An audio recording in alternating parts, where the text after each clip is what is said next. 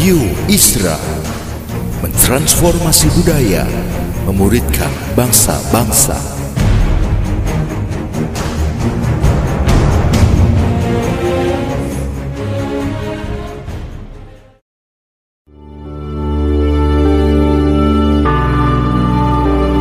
Apostolic Prophetic Messages mengungkapkan pesan dan arahan dari hati Tuhan bagi gerejanya demi menuntaskan mandat kerajaan Allah di Indonesia dan bangsa-bangsa.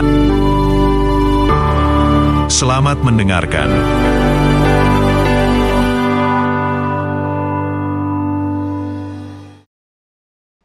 Shalom Bapak Ibu, selamat datang pada sesi pengajaran kali ini.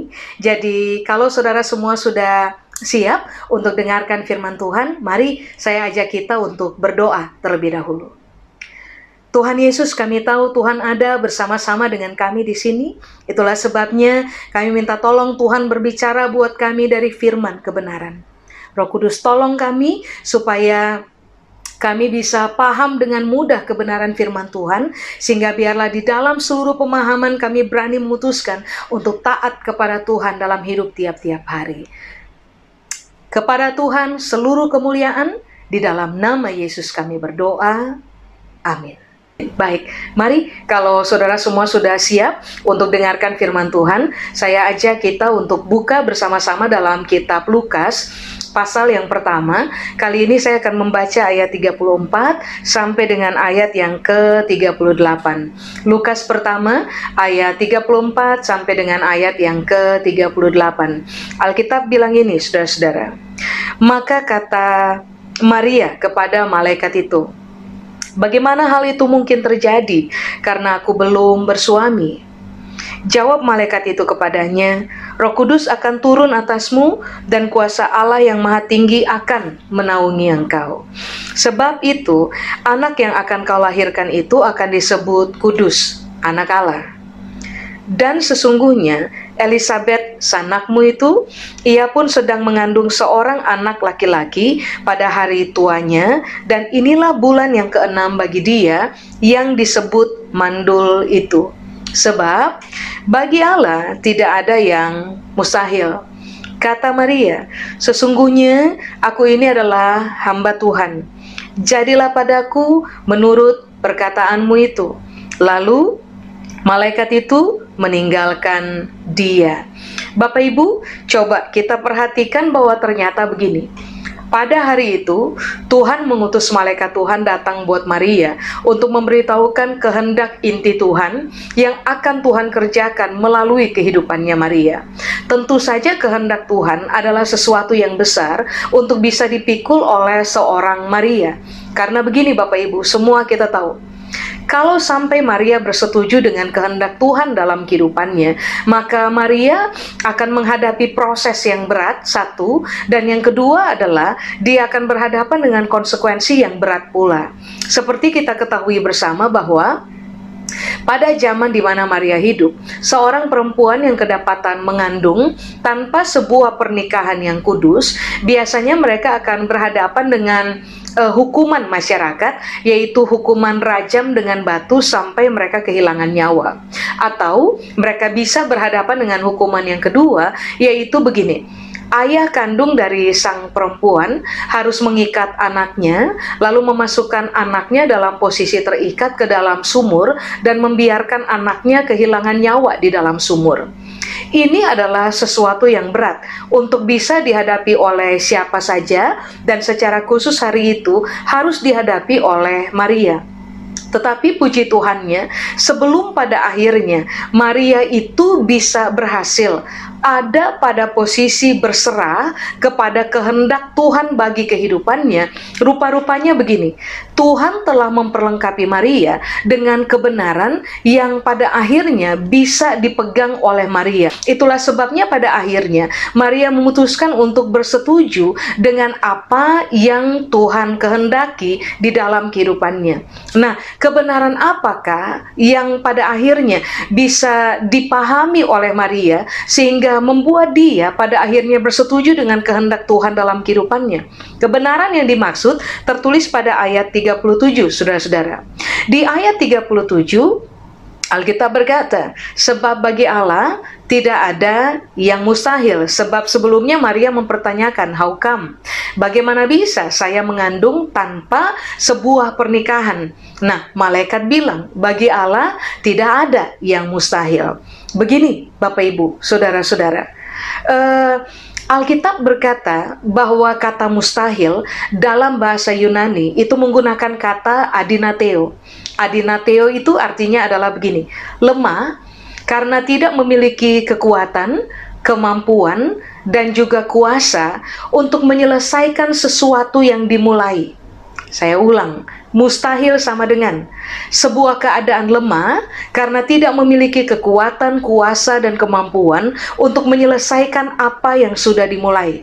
Puji Tuhannya, di ayat 37 Alkitab berkata, bagi Tuhan tidak ada yang mustahil. Berarti Alkitab menitik beratkan kebenaran ini, bahwa Tuhan itu nggak lemah. Amin.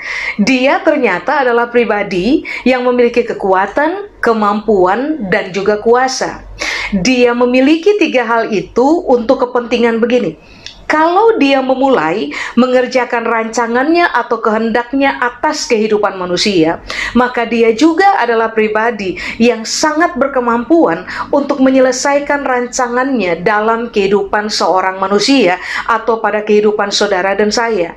Dengan kata lain, hari itu Maria memahami bahwa kalau Tuhan telah memulai rancangan untuk diberlakukan melalui kehidupan Maria, maka Tuhan akan bertanggung jawab untuk memastikan bahwa apa pun yang dia rancangkan itu dapat terselesaikan dalam hidupnya Maria. Begini, saudara-saudara, semua kita tahu Tuhan memperkenalkan dirinya sebagai Alfa dan Omega yang memulai segala sesuatu dan juga yang menyelesaikan segala sesuatu. Berkaitan dengan rancangannya berkaitan dengan kehendaknya. Atas dasar kebenaran inilah yang membuat pada akhirnya Maria dapat berkata pada ayat 38 sesungguhnya saya ini adalah hamba Tuhan. Nah ini menarik uh, saudara-saudara, setelah dia memahami realita tentang Tuhan hebat, Tuhan yang tidak lemah, Tuhan yang adalah Alfa dan Omega, menariknya adalah begini. Dia kemudian memposisikan dirinya pada sebuah posisi yang benar. Hari itu dia berkata, "Saya ini cuma hamba." Kata hamba di situ, saudara-saudara, uh, bahasa Yunani menggunakan kata dule. Dule itu artinya adalah begini: seorang hamba perempuan yang di dalam kesadaran menyerahkan dirinya untuk mengerjakan kehendak sang tuan dan memilih untuk mengabaikan kepentingan diri sendiri. Jadi coba saudara bayangkan, hari itu setelah dia paham betul siapa Tuhan, Maria akhirnya berkata, "Tuhan, saya ini cuma hamba perempuan. Dan di dalam seluruh kesadaran yang saya punya, saya menyerahkan diri saya untuk mengerjakan Tuhan punya kehendak. Kalau toh saya punya kepentingan di dalam diri saya, maka saya akan mengabaikan kepentingan tersebut. Tahukah saudara bahwa keputusan Maria hari itu dengan cara memposisikan dirinya uh, pada posisi yang benar, ternyata pada akhirnya uh, membuat sehingga pada akhirnya rencana Tuhan, rancangan Tuhan terlaksana mutlak dan itu bisa diselesaikan. Hasilnya adalah saudara dan saya hari ini bisa ada pada posisi diperdamaikan dengan Tuhan. Semua dosa atau bahkan pelanggaran kita telah dihapuskan oleh Tuhan. Lalu begini, Dia mengaruniakan karya keselamatan kepada kita dan Dia memberikan kepada saudara dan saya kehidupan kekal.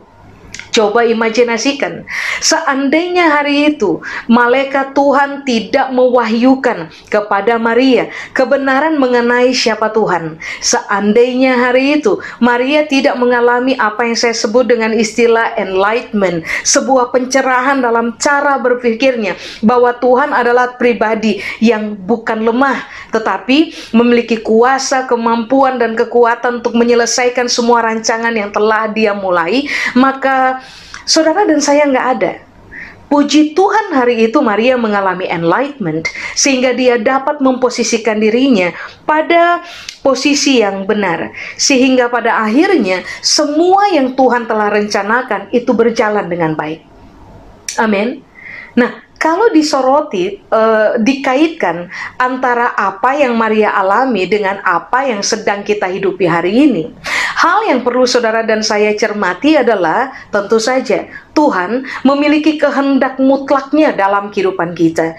Dia berkata, Alkitab berkata bahwa sebelum bumi ada, Tuhan telah menyelesaikan rancangannya yang berkaitan dengan kehidupan saudara dan saya.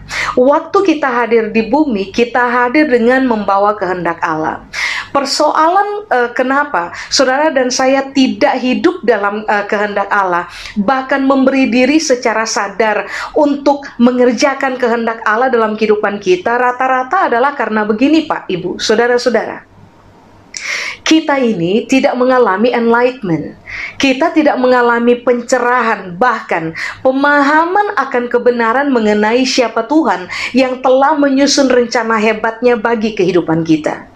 Hal inilah yang membuat pada akhirnya kita lebih condong akan terfokus kepada upaya mementingkan diri sendiri, mementingkan kehendak pribadi, mementingkan kepentingan pribadi di atas seluruh kehendak Tuhan yang Tuhan ternyata berkeinginan supaya saudara dan saya secara sadar menyerahkan diri kita untuk membiarkan kehendak Tuhan terlaksana dalam kehidupan kita.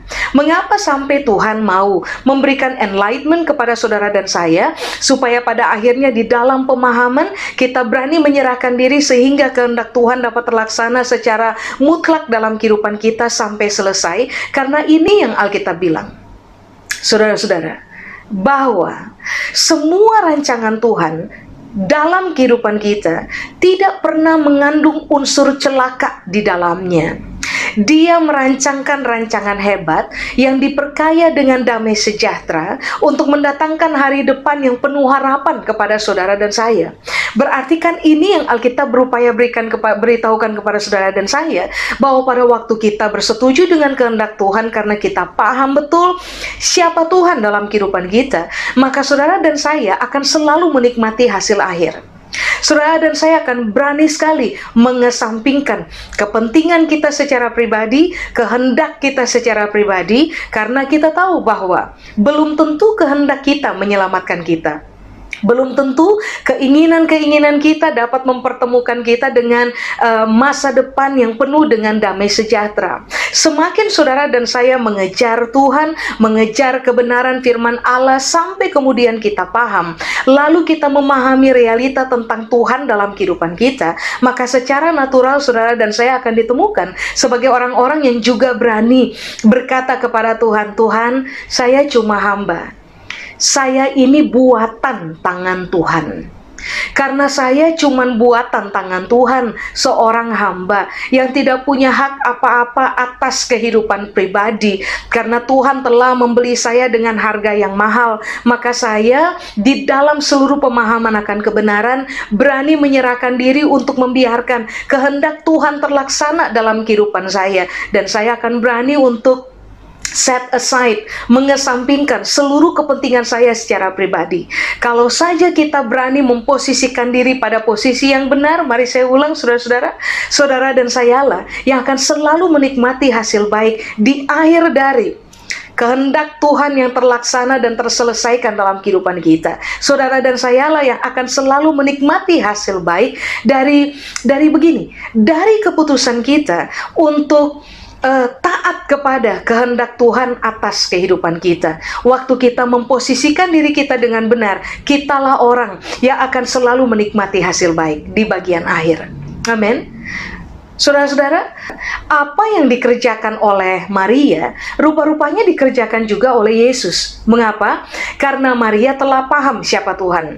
Yesus juga telah paham siapa Tuhan, telah paham siapa Bapaknya. Itulah sebabnya mengapa Yesus mengerjakan hal yang sama seperti yang Maria kerjakan. Dengan sadar, menyerahkan diri supaya kehendak Allah terlaksana dalam kehidupannya dan dengan berani mengesampingkan kepentingan pribadi dan hasilnya adalah selalu hasil baik Yesus nikmati, Maria nikmati, saudara dan saya nikmati. Mari, saya ajak saudara untuk buka bersama dengan saya dalam Matius pasal yang ke-26.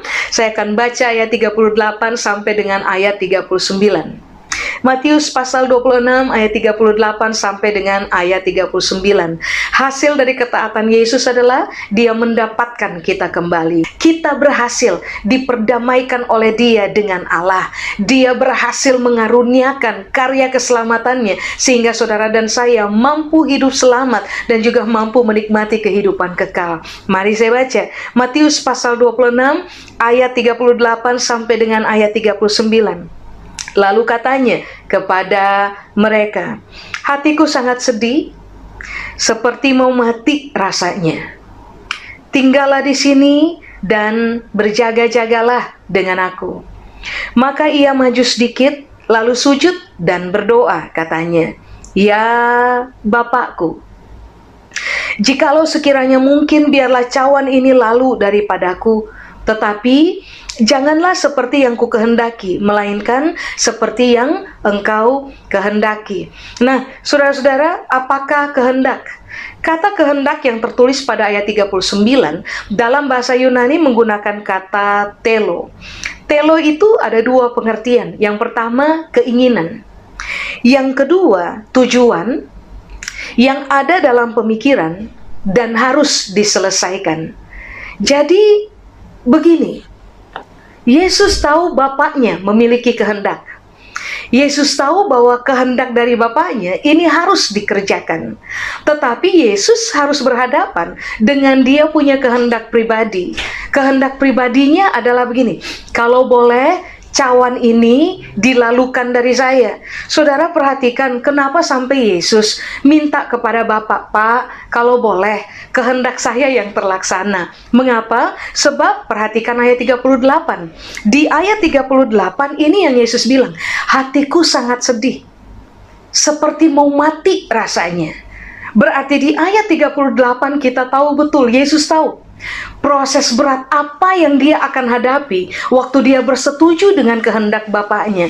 Yesus tahu betul pada waktu dia bersetuju dengan kehendak Bapaknya, uh, apa ya, uh, konsekuensi macam apa yang dia harus hadapi, dan itu berat. Makanya dia bilang, saya sedih banget, seperti mau mati aja. Pernahkah saudara berada pada posisi kayak begini?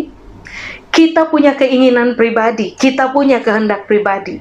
Lalu tiba-tiba Tuhan datang dalam kehidupan kita dan dia memberitahukan kehendaknya untuk kehidupan kita dan dia menggiring kita, menuntun kita supaya pada akhirnya kalau kita uh, menyerahkan diri untuk mengerjakan kehendak Allah, maka di bagian akhir setelah kehendak itu terselesaikan, saudara dan saya lah yang akan menikmati hasil baik. Nah, semua kita pasti pernah ada pada posisi itu tuh. Tuhan menyatakan kehendaknya. Dan kita tahu bahwa untuk mengerjakan kehendak Tuhan, saudara dan saya harus masuk dalam sebuah proses yang berat. Untuk mengerjakan kehendak Tuhan, saudara dan saya harus berhadapan dengan konsekuensi-konsekuensi yang mengiris kedagingan kita, yang menguras air mata kita, yang membuat kita mengalami persoalan-persoalan yang berat secara daging untuk kita hadapi. Tapi coba saudara lihat, Maria pun mengalaminya, Yesus pun mengalaminya, masing-masing punya kehendak bebas, tetapi apa yang mereka putuskan pada bagian akhir adalah begini.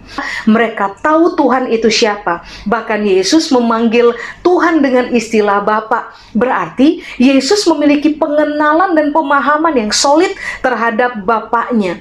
Karena pemahaman bahwa Tuhan tidak pernah dalam rancangannya akan mendatangkan celaka bagi kehidupan kita kita, maka itulah sebabnya mengapa sekalipun Yesus memiliki keinginannya secara pribadi, dia mampu juga berkata bahwa bukan kehendak saya yang terjadi, biar kehendak Bapak saja yang terjadi. Dan kemudian kita paham, setelah doa Yesus yang itu, dia ditangkap dan proses berat pun dia jalani sampai pada akhirnya dia menyerahkan nyawa di atas kayu salib. Tapi coba saudara lihat, dia mati karena dia menyerahkan nyawanya di atas kayu salib. Tapi puji Tuhan, Tuhan yang kita sembah bukan Tuhan mati, bukan Tuhan yang dikalahkan oleh maut. Tuhan yang saudara dan saya sembah adalah Tuhan yang telah mengalahkan maut karena pada hari yang ketiga dia bangkit dari antara orang mati. Karena karya kebangkitannya, saudara dan saya bangkit. Karena kehidupannya, saudara dan saya memperoleh kehidupan. Karena ketaatan Yesus kepada kehendak Allah walaupun dia harus melampaui proses berat. Saya ulang saudara dan saya dapat menikmati karya keselamatan saudara dan saya dapat menerima anugerah Allah yaitu kehidupan yang kekal. Mengapa? Sederhana saja prinsipnya. Maria dan Yesus tahu siapa Tuhan yang sebenarnya. Maria dan Yesus tahu bagaimana memposisikan diri dengan benar. Maria dan Yesus tahu bagaimana begini uh, secara sadar menyerahkan diri, membiarkan kehendak Bapak terlaksana dan mengesampingkan kehendak pribadi sekalipun mereka juga tahu proses berat memang harus dihadapi. Pertanyaannya sekarang adalah begini. Proses berat apa yang saudara dan saya sekarang ini sedang kita hadapi dalam perjalanan tiap-tiap hari? Mengertilah, selama ini adalah bagian dari kehendak Tuhan buat kita. Contoh, Saudara dan saya harus hidup dan bertahan dalam prinsip benar Walaupun kita mengalami proses aniaya, proses yang berat, tetapi saudara dan saya tetap memutuskan bahwa begini, sekalipun saya teraniaya, sekalipun saya mengalami perlakuan-perlakuan tidak menyenangkan, pada waktu saya memilih untuk hidup benar, tetapi kehidupan benar adalah kehendak Allah. Dan saya memutuskan untuk mengesampingkan keinginan pribadi, memutuskan untuk menyerahkan diri taat kepada kehendak Tuhan, memilih untuk hidup benar sekalipun harus harus pikul salib sekalipun harus menyangkal diri sekalipun harus air mata kita terkuras sekalipun. Kita harus berhadapan dengan proses-proses yang tidak menyenangkan. Tetapi pada waktu saudara dan saya mengesampingkan keinginan kita secara pribadi dan takluk kepada kehendak Allah dengarkan ini baik saudara-saudara.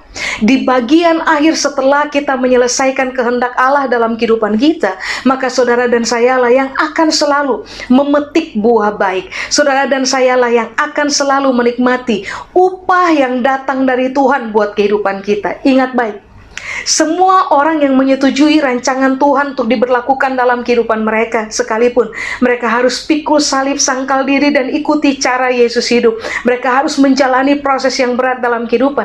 Mereka akan selalu menikmati masa depan yang gilang gemilang yang memang telah Tuhan percayakan kepada kita. Contoh yang lain, saudara-saudara, saudara bisa buka dengan saya di dalam Daniel pasal 6.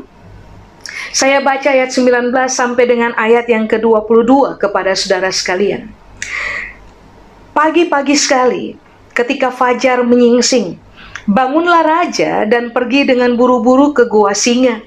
Dan ketika ia sampai dekat goa itu, berserulah ia kepada Daniel dengan suara yang sayu, Berkatalah ia kepada Daniel, Daniel, hamba Allah yang hidup, Allahmu yang kau sembah dengan tekun, telah sanggupkah ia melepaskan engkau dari singa-singa itu?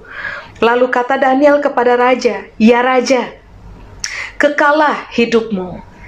Allahku telah mengutus malaikatnya untuk mengatupkan mulut singa-singa itu, sehingga mereka tidak mengapa-apakan aku karena ternyata aku tak bersalah di hadapannya, tetapi juga terhadap tuanku ya raja, aku tidak melakukan kejahatan. Tahukah saudara bahwa Daniel telah hidup dalam kehendak Allah? Di tengah-tengah uh, bangsa yang dia layani tentu saja, di tengah-tengah bangsa yang tidak mengakui Tuhan sebagai Tuhan, Daniel tetap memilih untuk hidup benar dan tetap memilih untuk menyembah Tuhan. Dia mengerjakan kehendak Tuhan. Apa yang kemudian Daniel hadapi? Daniel harus berhadapan dengan proses berat, saudara-saudara, goa singa. Pada waktu Daniel menghadapi gua singa, apakah kemudian dia menganulir, dia membatalkan kepercayaannya kepada Tuhan, dia memutuskan untuk menista nama Tuhan, dia memutuskan untuk mengutamakan kepentingannya secara pribadi, lalu begini, lari dari kehendak Tuhan? Tidak. Daniel ikuti prosedur dalam proses mengerjakan kehendak Tuhan. Daniel pasti punya kepentingan pribadi, keinginan-keinginan pribadi, tapi lihat, Seorang manusia yang menaklukkan diri kepada kehendak Tuhan akan selalu berani berhadapan dengan proses apa pun karena dia memahami siapa Tuhan yang telah berkehendak dan kehendak itu akan kita kerjakan. Hari itu Saudara-saudara, di ayat 22, Daniel memulai dengan kata ini, Allahku telah mengutus malaikatnya untuk mengatupkan mulut singa-singa. Allahku.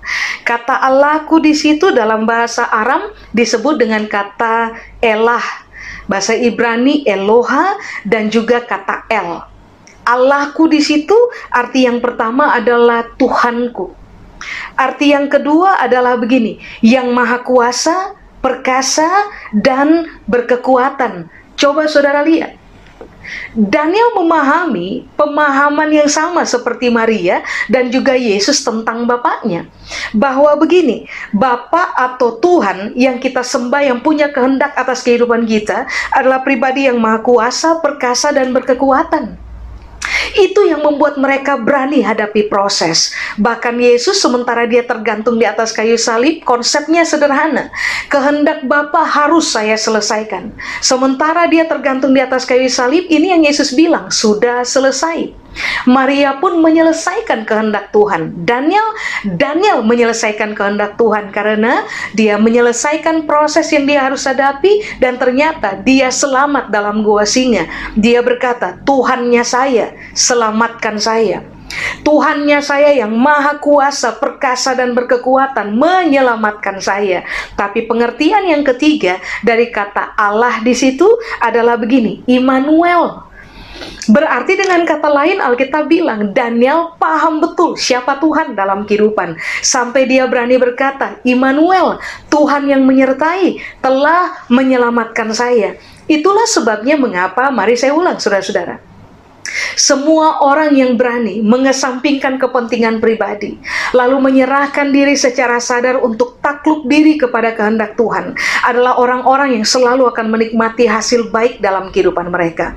Mengapa kita bisa melakukannya? Sederhana saja, karena kita paham siapa Tuhan yang berkehendak dalam hidup kita, dan kita telah memposisikan diri kita ada pada posisi benar. Hamba, anak, orang yang takluk diri kepada seluruh kehendak dari Sang Maha Hebat itu dalam kehidupan kita di dalam nama Yesus Kristus. Amin. Saya mendorong Bapak Ibu, saudara-saudara sekalian untuk begini. Cari tahu kehendak Tuhan. Posisikan diri dengan benar Pahami bahwa Tuhan tidak pernah salah pilih orang, tetapi pahami juga waktu saudara dan saya bersetuju untuk uh, mengerjakan kehendak Tuhan, kita akan menghadapi proses berat. Tapi ingat ini dengan baik, Immanuel selalu beserta kita. Setelah kita berhasil menyelesaikan kehendak Tuhan dalam kehidupan kita, kitalah yang akan tertawa di bagian akhir. Kitalah yang akan menikmati upah dari Tuhan. Kitalah yang akan mengecap buah baik bagi hidup kita sampai kepada kehidupan kekal. Amin. Siaplah hadapi proses, jangan menyerah, tetaplah kuat. Saudara dan saya pasti bisa menyelesaikan kehendak Tuhan dalam hidup kita. Amin. Saya selesai. Mari saya ajak kita untuk berdoa bersama-sama. Tuhan kami berdoa. Kiranya seluruh kebenaran ini Tuhan materaikan dalam pemahaman kami, dalam perenungan kami, supaya pada akhirnya di dalam pemahaman kami berani untuk mengesampingkan keinginan kami secara pribadi, menyerahkan diri kami untuk takluk mengerjakan kehendak Tuhan, sampai kehendak Tuhan terselesaikan dalam hidup kami. Waktu kami harus menjalani proses yang berat, konsekuensi yang sukar.